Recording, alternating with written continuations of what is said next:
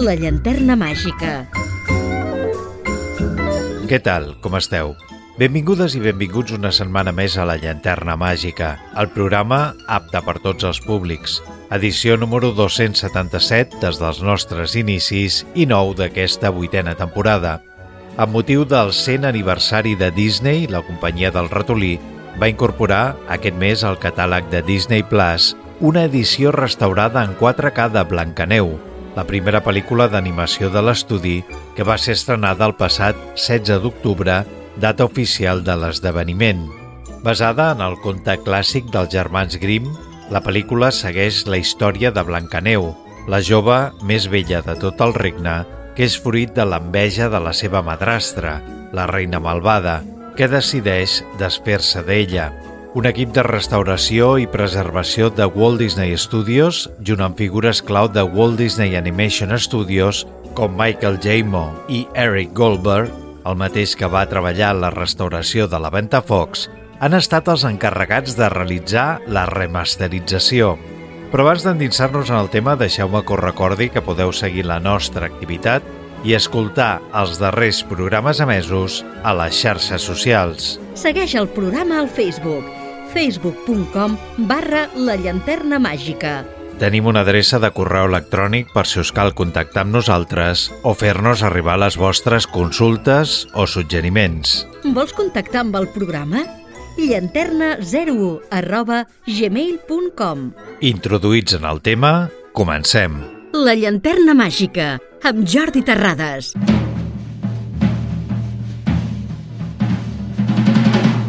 La Sireneta és una adaptació del cèlebre conte de Hans Christian Andersen que ja forma part del catàleg dels grans clàssics de Disney.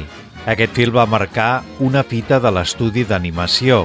Després d'alguns anys en què els resultats de la companyia no eren els esperats entre el públic, aquest film, dirigit per John Masker i Ron Clements, va marcar un abans i un després. Després vindrien La Bella i la Bèstia, Aladí, El Rei Lleó i així fins a Mulan, gairebé 10 anys després. Un seguit de produccions molt ben concebudes i en gran acceptació popular. Més d'un milió de dibuixos van ser creats per la pel·lícula i els animadors van haver de ser especialment curosos amb les escenes sota el mar, que necessitaven d'un tractament especial. En un títol de Disney no ens hem d'oblidar mai de la música. La Sireneta té en el seu poder dos premis Òscar a millor banda sonora i millor cançó, la popular Sota el mar.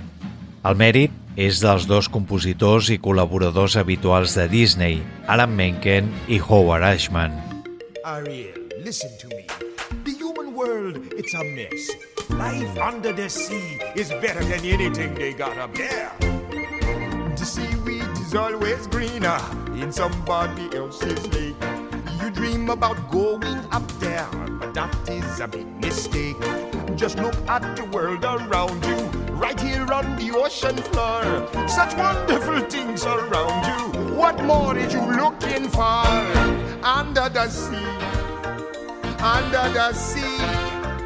Darling, it's better down where it's wetter. Take it from me.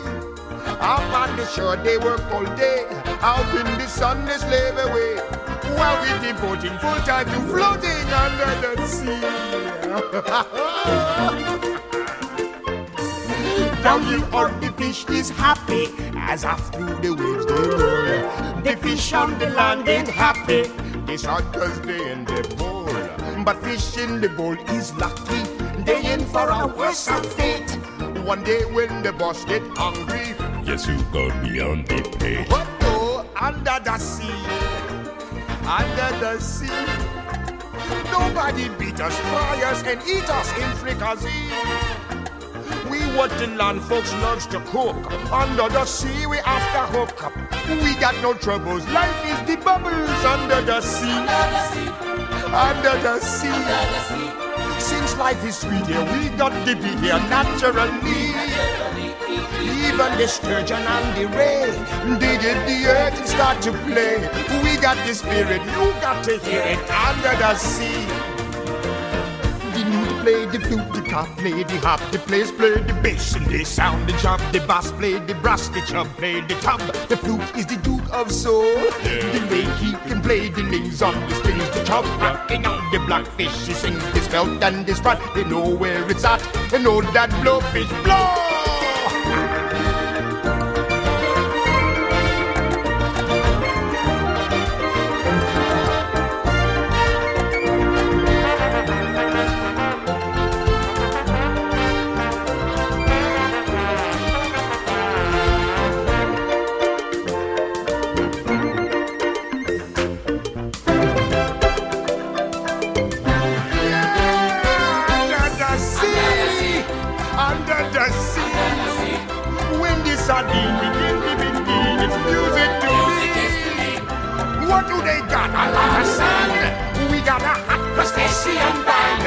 Little clown here know how to jam here under the sea. Each little slug here cutting a rug here under the sea. Each little snail here know how to whale here. That's why it's hotter under the water. Yeah, we in luck here down in the muck here under the sea. La màgia de Disney va convertir a Robin Hood en una guineu que habita el bosc de Sherwood amb els seus alegres companys. El seu objectiu és parar als peus al príncep Joan, un ambiciós lleó que té a tota la població espremuda a base de pujar els impostos. Oficialment, aquesta va ser la primera pel·lícula feta sense la intervenció de Walt Disney. L'animador i creador de l'imperi que porta el seu nom va morir durant la producció del llibre de la selva. Los Aristogatos es va produir després de que Walt donés el vistiplau al projecte, però Robin Hood va ser la primera pel·lícula sense cap tipus d'intervenció del cineasta. El resultat final va ser més que digne, tot i que es noten certes mancances pel que respecta al producte acabat. Entre aquests detalls està sens dubte el disseny de producció que no cuida els fons com en altres pel·lícules, reutilitzant descars d'anteriors produccions. Uns dissenys que cap al 1938 ja s'havien començat a configurar per la voluntat de certs animadors de la companyia a adaptar el relat Reinar de Fox a la gran pantalla i que quatre dècades després es van transformar en Robin Hood, Lady Marian, Little John, el príncep Joan i el xèrif de Nottingham.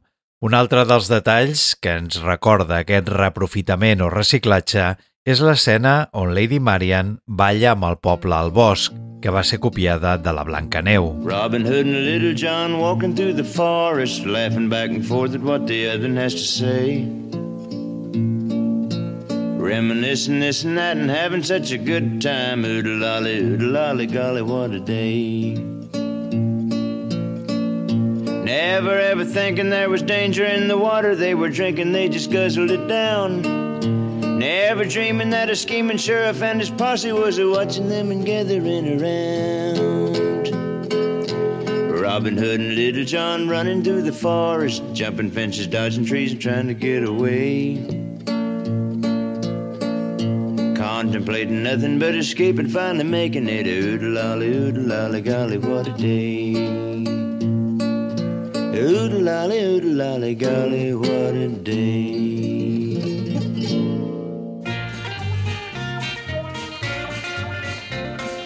World will sing of an English king a thousand years from now, and not because he passed some laws or had that lofty brow.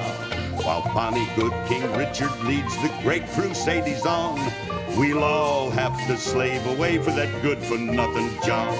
Incredible as he is inept, whenever the history books are kept, they'll call him the phony King of England apart from the phony King of England.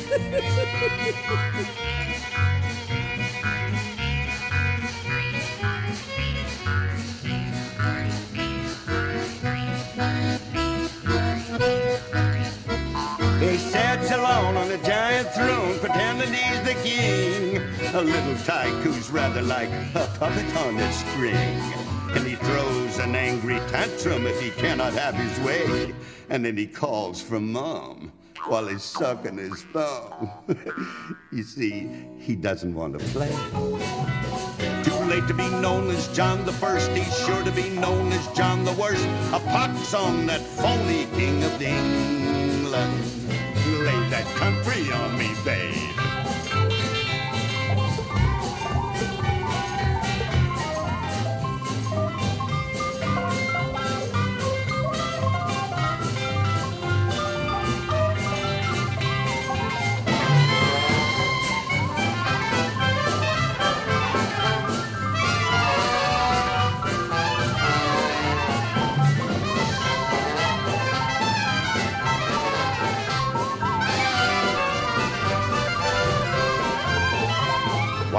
Taxes us to pieces and he robs us of our bread. King Richard's crown keeps slipping down around that pointed head. Ah, but while there is a merry man in Robin's wily pack, we'll find a way to make him pay and steal our money back. A minute before he knows we're there, old Rob will snatch his underwear. The breezy and uneasy king of England the sniveling, groveling, measly, weasley, blubbering, jabbering, gibbering, jabbering, plundering, plotting, wheeling, dealing. Prince John, the phony king of England. Els Venjadors de Marvel és la pel·lícula amb més densitat de superherois Marvel per fotograma de la història del cinema. Després d'anar-los presentant un a un en anteriors films, els personatges creats per Stan Lee i Jack Kirby tenen per fi una història que els reuneix a tots, igual que va passar al còmic. Darrere de la càmera, Josh Whedon, conegut per ser el creador de la popular sèrie per la televisió Buffy Cazavampiros. Incloure tants personatges i que cap actor es pugui queixar que no se li ha donat un grapat d'escenes interessants és un èxit indubtable del realitzador. El director novaiorquès va signar amb Els Venjadors un film de gran facturació, impecable en la seva posada en escena i fantàstic. Una cinta que, a més, enllaça a la perfecció amb totes les seves antecessores, com Iron Man, l'Increïble Hulk, Iron Man 2, Thor i Capità Amèrica, el primer Venjador. La idea de realitzar un film sobre els Venjadors va sorgir per primer cop durant el rodatge de Iron Man. Al productor, Kevin Feige, se li va acudir que l'agència fictícia d'intel·ligència i antiterrorisme de Marvel podria formar part d'Iron Man i de l'increïble Hulk. És per això que va contractar a realitzadors que tinguessin consciència de que estaven tractant amb personatges que convivien en un mateix univers.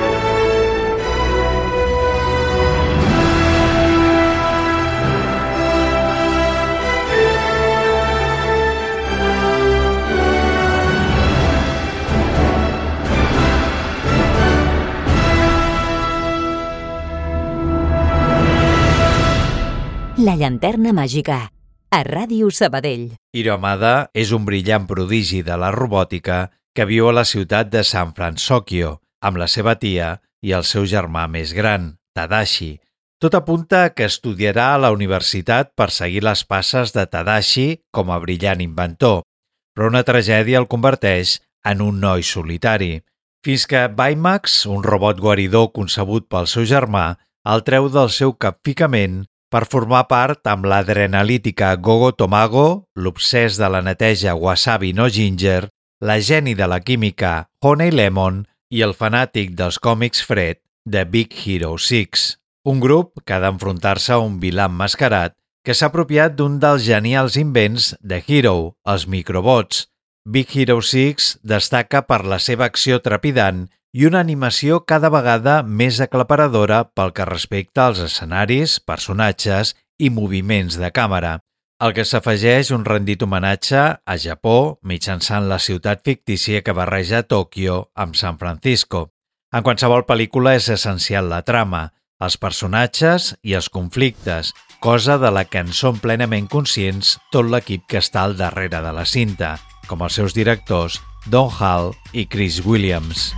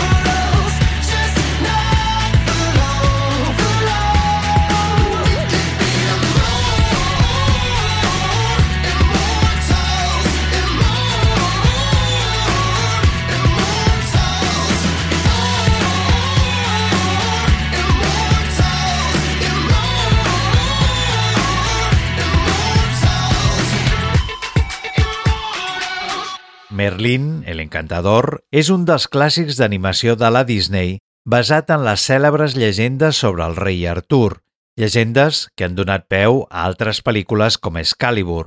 La pel·lícula va ser dirigida per Wolfgang Reiderman, animador estatunidenc d'origen alemany que va treballar per Disney i va formar part dels nou ancians de la companyia. Reiderman va produir totes les pel·lícules d'animació de l'estudi després de la mort de Walt fins a la seva jubilació l'any 1980. L'any 1939, Walt Disney va obtenir els drets del film i els primers storyboards es van fer 10 anys més tard, però no va ser fins 1960, després de finalitzar 101 dàlmates, quan es va reprendre el projecte, possiblement degut a l'èxit de Camelot a Broadway. Això sí, es va anar amb peus de plom abans d'escometre aquest projecte, ja que la vella dorment no havia obtingut els beneficis econòmics esperats i diversos membres de l'estudi apostaven per fer projectes més modestos. La cinta va rebre una candidatura a la 36a edició dels Premis de l'Acadèmia a millor banda sonora adaptada per la partitura de George Brands. Hockety pockety wockety whack, abracadabra dabra knack. Shrink in size, very small. We've got to save enough room for all. Figgity spiggity spiggity small. Prestidigitarium.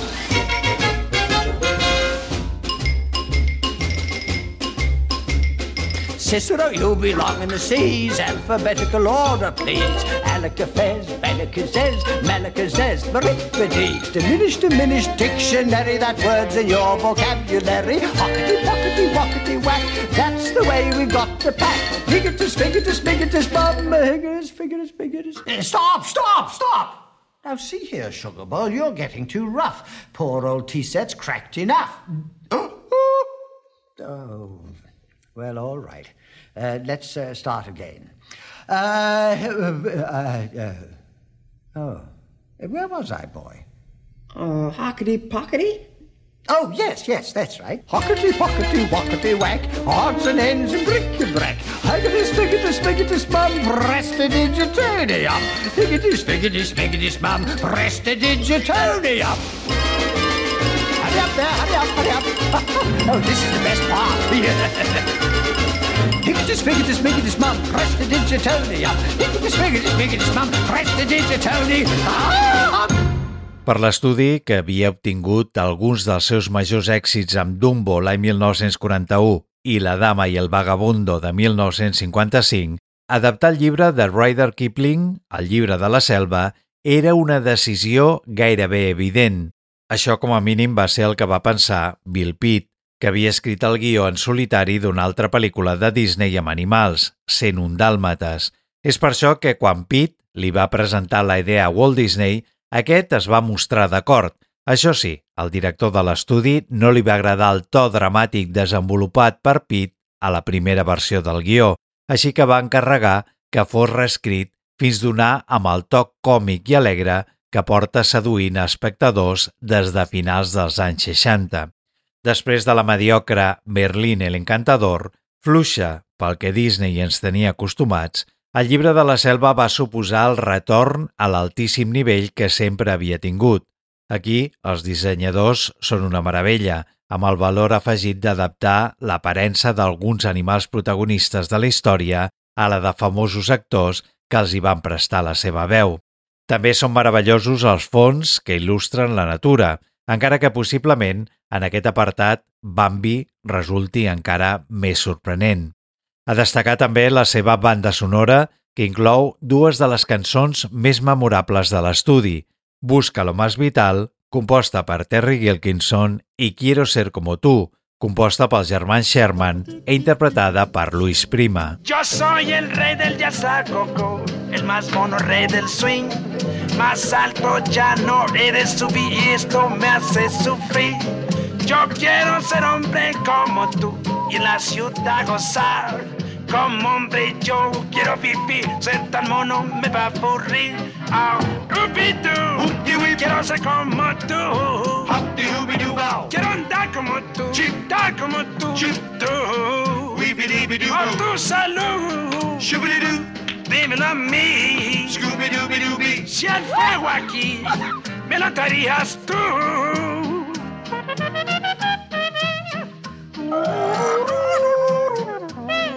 Quieto, Nerón.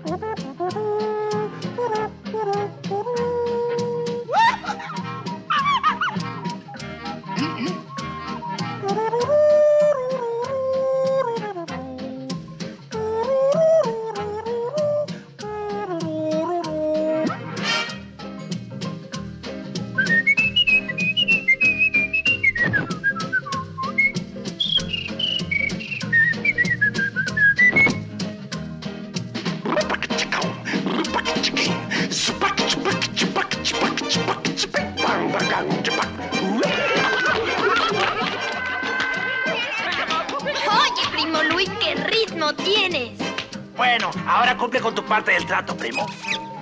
Dime cuál es el secreto de ese rojo fuego. Pero yo no sé cómo hacer fuego. A mí no me engañas, Mowgli. Un trato hicimos yo y tú. Y dame luego, luego el hombre en fuego para ser como tú. Y dame el secreto, cachorro. Dime cómo debo hacer. Domina, quiero el rojo fuego para tener poder. El fuego. Así que eso es lo que quieres, el bribón. Lo voy a hacer pedazos. Lo patearé. Lo. ¡Oh, yeah! ¡Qué ritmo más sabroso! Tienes dejarte de ritmos y escucharme. Aquí hay que usar la astucia y no la fuerza bruta. Tú lo has dicho, viejo, y a mí de las dos me sobra. ¿Quieres escucharme? Oh, sí, sí. Bueno, mientras tú simulas un pleito, yo rescato a Mowgli. ¿Entendido? ¿Y en qué forma, compadre? Y aquí voy. ¡Oh, no, Alú!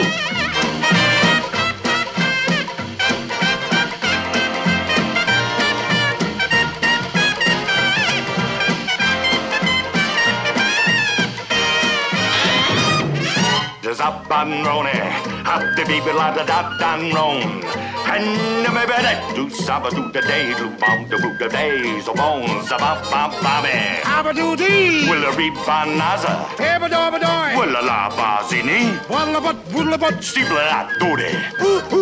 Willa ha ha ha ha. Lead the way, last puppy. Ha la la la. Willa ha la la la do doody. Ha la la dee loo. Do do do la da da da da. Diddle da, diddle da. Steepla da da ha da. Yo! Give me a kettle sack, come on. Yo quiero ser como tú. Papiudu, bailando como tú. Chipta como tú. Chipu. Weepy-deepy-doo. Salud. Shubidoo. Dime para mí.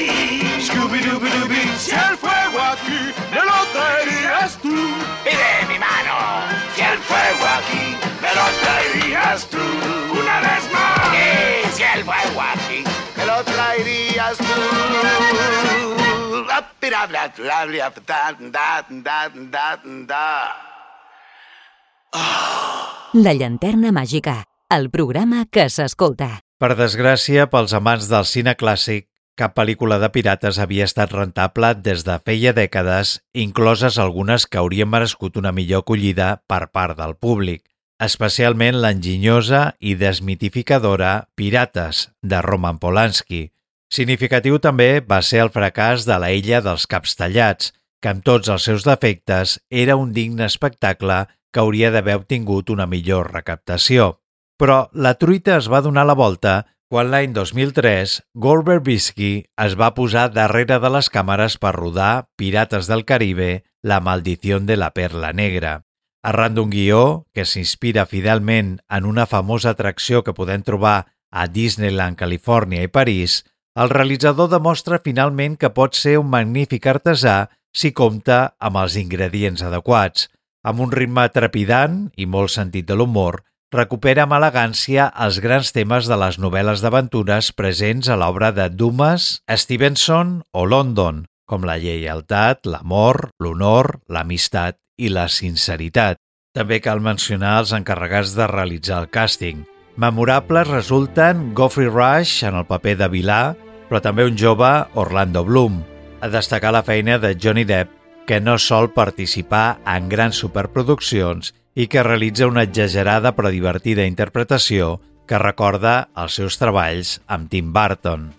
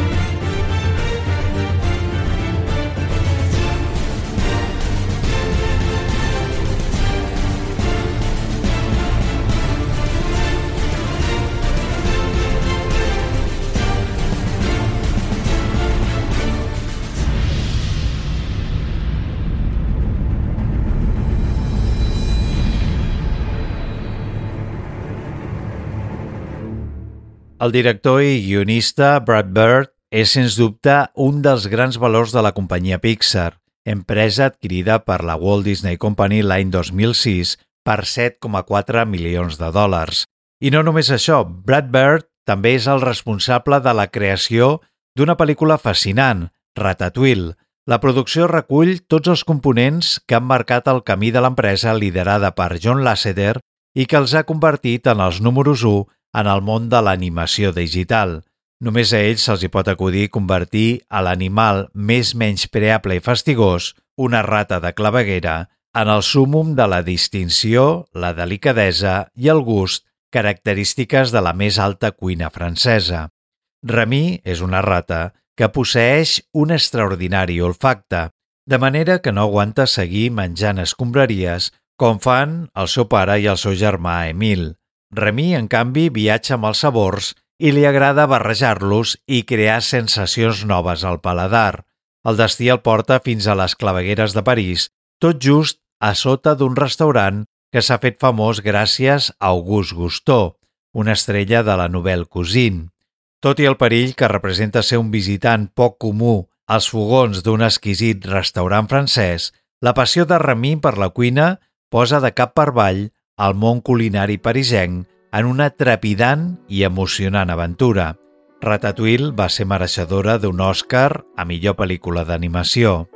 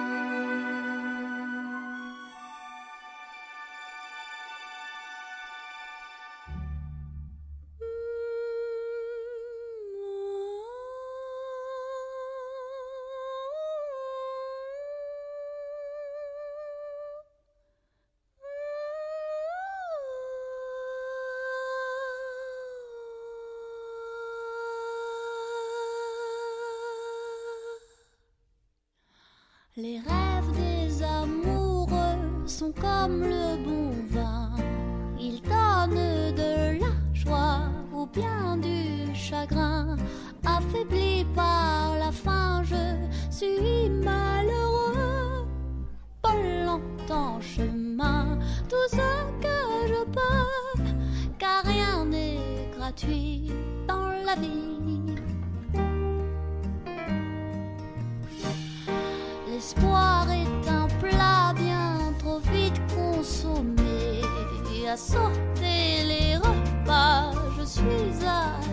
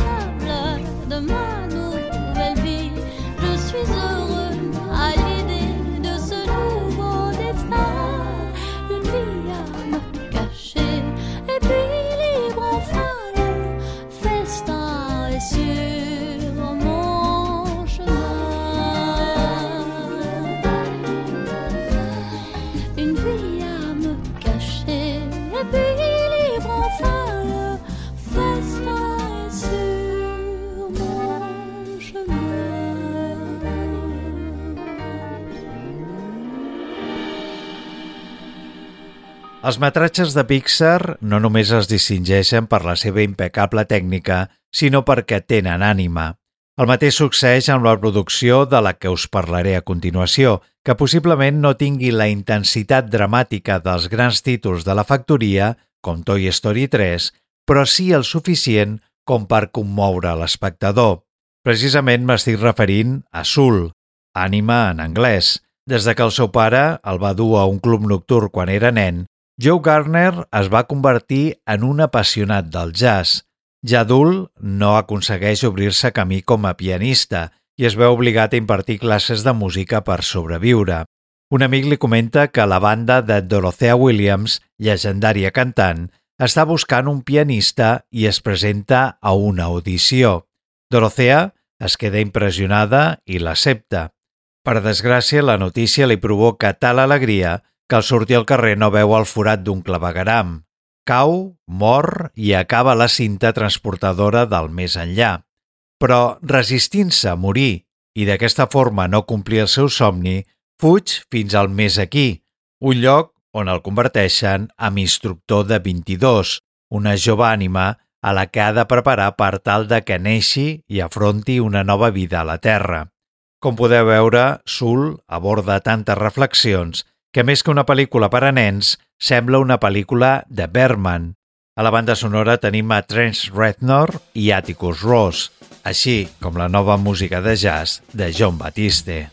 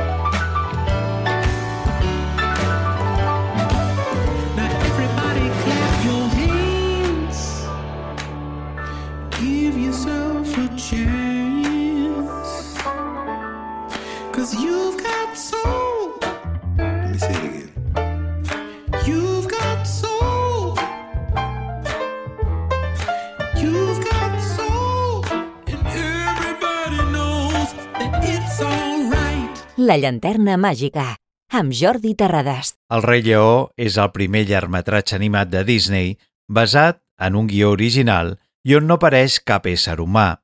La pel·lícula, de l'any 1994, va batre en el seu moment rècords de taquilla. A més, va guanyar dos premis Oscar per la seva banda sonora i la cançó Can You Feel the Love Tonight de Tim Rice i Elton John. El secret del rei Lleó resideix en una història sobre l'ambició humana amb certs tocs shakespearians, en una ambientació suggeridora on es nota que gran part de l'equip es va traslladar a la sabana africana i en els entranyables personatges, especialment Timó i Pumba, que són uns personatges secundaris però molt divertits. També destaca la cuidada barreja d'animació tradicional amb l'ordinador, gràcies a la qual van ser possibles efectes realistes com el fum o els reflexos a l'aigua, i seqüències molt espectaculars com l'estampida. Els creadors del Rei Lleó no amaguen en cap moment aquesta inspiració shakespeariana que us comentava. L'argument té certes similituds amb Hamlet, una de les més cèlebres tragèdies del Bart anglès. També allà hi havia un jove príncep i un tiet que assassina el seu pare per quedar-se amb la corona i que després d'aparèixer-li el fantasma del seu pare intenta arreglar les coses. Com a homenatge al gran escriptor, els cineastes van incloure una seqüència en què el malvat Scar sosté una calavera al igual que succeeix al cèlebre monòleg de Ser o no ser del príncep Hamlet. There's a calm surrender to the rush of day when the heat of a rolling wave can be turned away. An enchanted moment, and it sees me through. It's enough for this restless warrior just to be with you. And can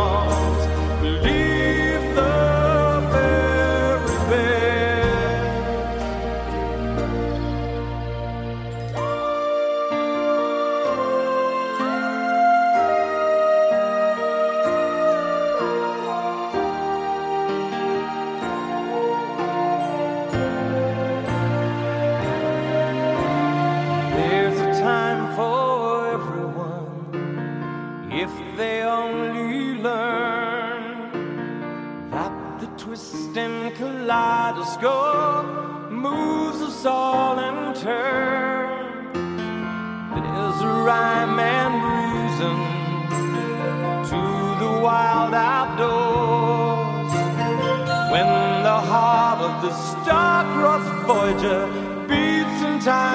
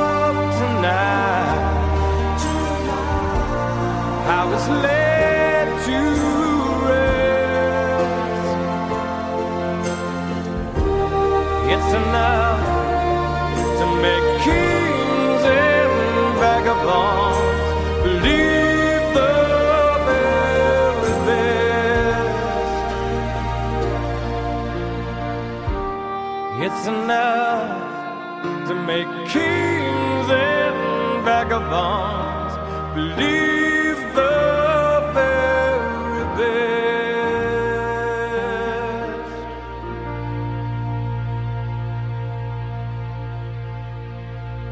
El cert és que quan George Lucas va estrenar La Guerra de les Galàxies, Una nova esperança, l'any 1977, ningú esperava que fos tan gran el seu èxit, però els resultats obtinguts a taquilla i una legió de fans ansiosos van tenir la culpa de que la indústria es plantegés de fer una nova entrega. En aquesta ocasió, ni escrita ni dirigida per Lucas, el que explica que estem davant d'una pel·lícula notablement superior a la primera. Perquè les coses com són, el talent de Lucas com a creador d'universos és innegable, però si una cosa ha demostrat amb la seva trajectòria és que quan es posa al darrere de la càmera, les coses no solen anar massa bé. En aquesta ocasió, Star Wars, episodi 5, l'Imperi contraataca, va arribar a les nostres pantalles gràcies al tàndem format per Lee Brackett i Lawrence Kasdan, realitzant un treball encomiable. Òbviament, l'èxit de la primera pel·lícula es va veure reflectit en un augment notable del pressupost. En aquesta ocasió no es va escatimar en despeses i el resultat és una odissea visual que ens deixa bocabadats des del primer minut del metratge. Això s'ha d'afegir al disseny de producció i la posada en escena. Destaca sobretot la impressionant presència dels AT-AT imperials, unes fortaleses errants que fan les delícies de l'espectador fins i tot anys després. De John Williams no podem dir res que no s'hagi dit ja. No obstant, destacarem per sobre d'altres peces el tema La Marxa Imperial, probablement el seu millor treball al llarg de tota la saga, junt amb el tema principal amb el que comença cada pel·lícula.